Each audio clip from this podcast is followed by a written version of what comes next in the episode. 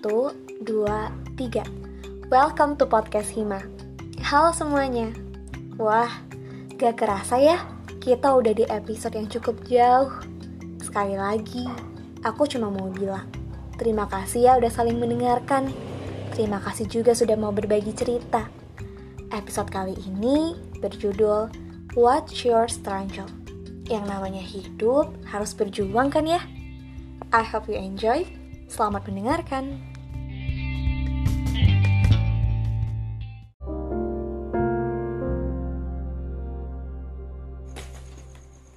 Halo semua, makasih ya udah mau dengerin ceritaku. Aku mau berbagi sedikit cerita mengenai seputar kehidupanku yang kurang menarik. huh, aku udah ngelewatin banyak masalah hidup mulai dari yang berat sampai yang ringan. Beberapa masalah terkadang buat aku kalut, sampai-sampai aku ngelakuin hal-hal konyol yang seharusnya sama sekali gak aku lakuin. Suatu ketika, aku ngerasa capek, aku down, dan aku ngerasa gak dapet support dari orang-orang di sekitarku entah itu keluarga, teman, bahkan sahabat. Mereka selalu nyuruh aku untuk ngelakuin ini, ngelakuin itu. Hal-hal yang sama sekali aku gak mau dan aku gak suka. Itu benar-benar buat aku frustasi.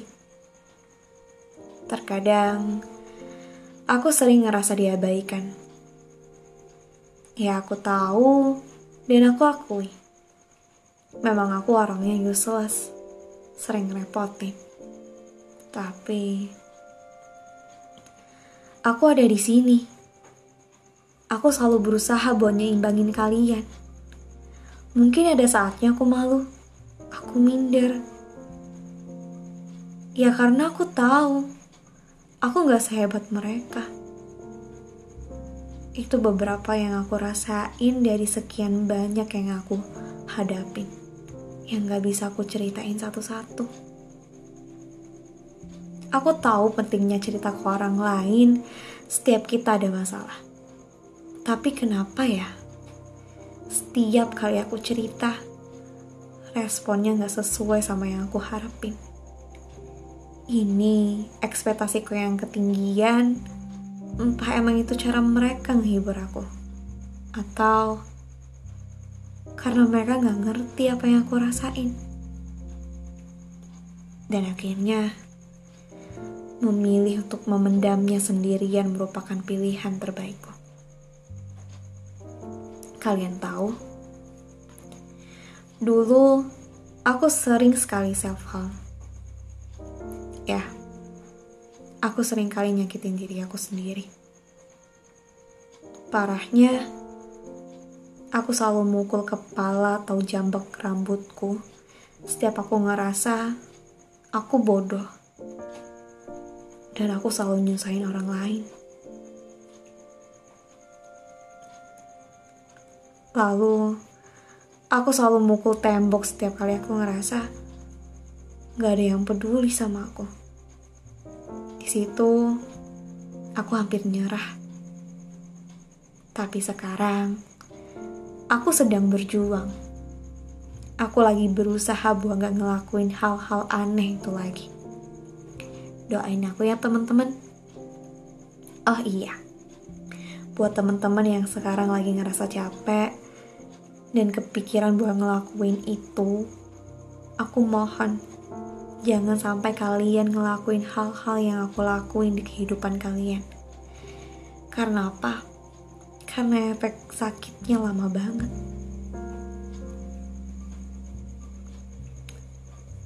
Apalagi kita harus nahannya dan itu gak mudah.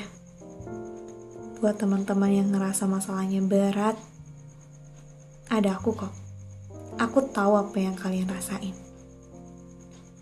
Kalau kalian butuh seseorang buat didengar keluh kesahnya, kalian, kalian boleh DM aku di Instagram at always for underscore you kapan pun yang foto profilnya beruang kering.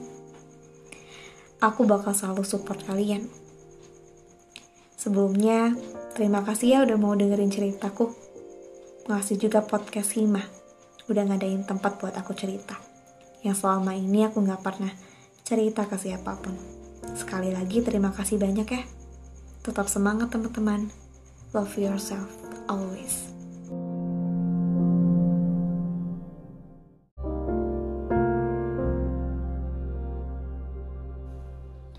Halo semuanya, panggil aja aku deh.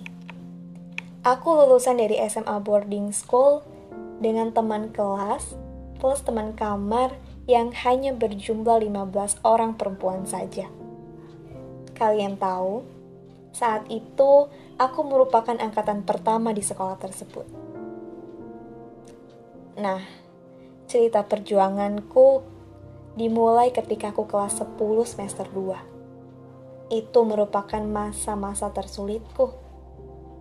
Saat itu, aku lagi down banget, insecure, dan aku ngerasa kalau teman-teman pada ngejauh. Saat di boarding juga, aku gak berani ngungkapin apa yang lagi aku rasain. Sampai akhirnya aku stres berat. Dari situ bener-bener bikin gak fokus dengan semua kegiatan termasuk juga belajar. Padahal waktu itu mendekati UAS. Sampai pas UAS bener-bener gak fokus dan bikin aku takut nilainya bakal turun dan mengecewakan orang tua. Waktu hari terakhir UAS, aku ke ruang guru untuk menemui wali kelasku. Keadaanku pada saat itu masih kalut dan stres Sampai tiba-tiba guru bahasa Arabku menanyakan perihal kondisiku. Beliau heran dengan hasil uasku. Padahal bahasa Arab merupakan termasuk pelajaran favoritku. Aku semakin overthinking dan semakin kalut. Tapi di situ aku cuma bisa pura-pura tersenyum seolah nggak terjadi apa pun. Sampai akhirnya aku tiba-tiba nangis. Aku nggak tahu lagi harus ngapain. Aku langsung cerita ke pembagian rapot aja ya. Singkat cerita, saat pembagian rapot, Umi sama Ayah datang untuk mengambil rapot sekalian menjemputku pulang karena pada saat itu udah mau libur semester. Pas orang tua aku ngambil rapot, aku nggak ikut karena aku nggak berani lihat hasilnya. Saat di perjalanan pun, aku tetap nanya sama Umi sama Ayah perihal hasil raportku. Umi, Umi cuma bilang, nggak apa-apa nilai dan rankingnya nggak terlalu bagus. Yang penting kamu happy dan gak sakit. Setelah dengar perkataan Umi, aku langsung nangis Aku nggak tahu lagi, aku udah ngecewain mereka. Tapi saat liburan, aku benar-benar berusaha untuk pulihin diri aku buat semester depan, biar aku bisa bikin orang tuaku bangga dengan hasil belajar aku. Setelah liburan, aku balik lagi ke boarding. Setelah sekian beberapa hari di boarding, kami ada perkumpulan dengan koordinator boarding dan saat terakhir, namaku dipanggil, sedangkan teman yang lainnya disuruh untuk pergi meninggalkan tempat. Dan saat itu, aku dikasih tahu rankingku sebenarnya ketika pembagian rapor. Kalian tahu berapa rankingku? Aku ranking 2 dari 15 anak. Tapi ranking 2-nya dari belakang. Di situ aku langsung izin ke kamar mandi dan nangis sekejar-kejarnya. Tapi aku benar-benar bertekad. Aku mau nunjukin ke orang tuaku kalau aku bisa. Dan alhamdulillah, dari situ aku terus bangkit. Sampai nilaiku naik terus hingga aku kelas 12. Dan alhamdulillahnya lagi, aku dapat SNPTN. Oh iya, ada cerita lucu saat pengumuman juara terbaik di TAFIS dan pelajaran agama. Sebelum hari wisuda, aku aku menjadi salah satu kandidat dengan bacaan tafis terbaik dan sate terbaik di pelajaran agama. Tapi aku nggak terlalu yakin kalau aku bakal dapet. Ya akhirnya aku main-main lah sama sama teman-teman dan salah satu anak guruku yang masih bayi, namanya Afra. Eh tiba-tiba saat pembacaan santri terbaik di pelajaran agama, namaku dipanggil dan mendapatkan penghargaan itu. Saat itu aku nggak sadar. Aku baru sadar saat teman-teman dan adik kelasku manggil namaku dan bilang kalau aku dapat penghargaan. Mulai dari situ aku cepet-cepet turun dan menuju ke aula. Orang-orang di aula pada ketawa, panik lah aku. Hmm, di sampai di di aula aku cuma bisa cengengesan alhamdulillah aku lulus aku dapat bawa dua penghargaan yaitu bacaan tafis terbaik dan juga santri terbaik di pelajaran agama untuk Umi dan Ayah. Sekian ceritaku. Makasih ya. Maaf kalau terlalu kepanjangan. Sampai jumpa.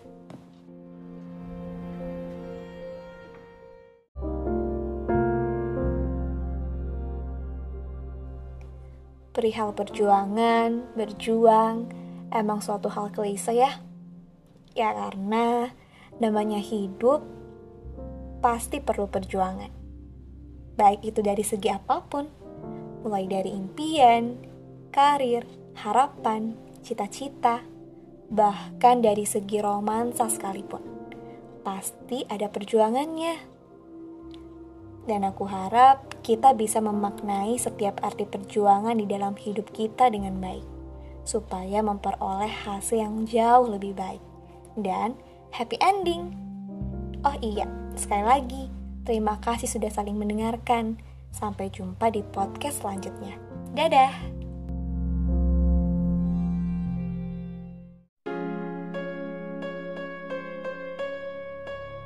Like a small boat on the ocean, turning big wave into motion, like how a single word can make a heart open. I may only have one base, but I can make an explosion.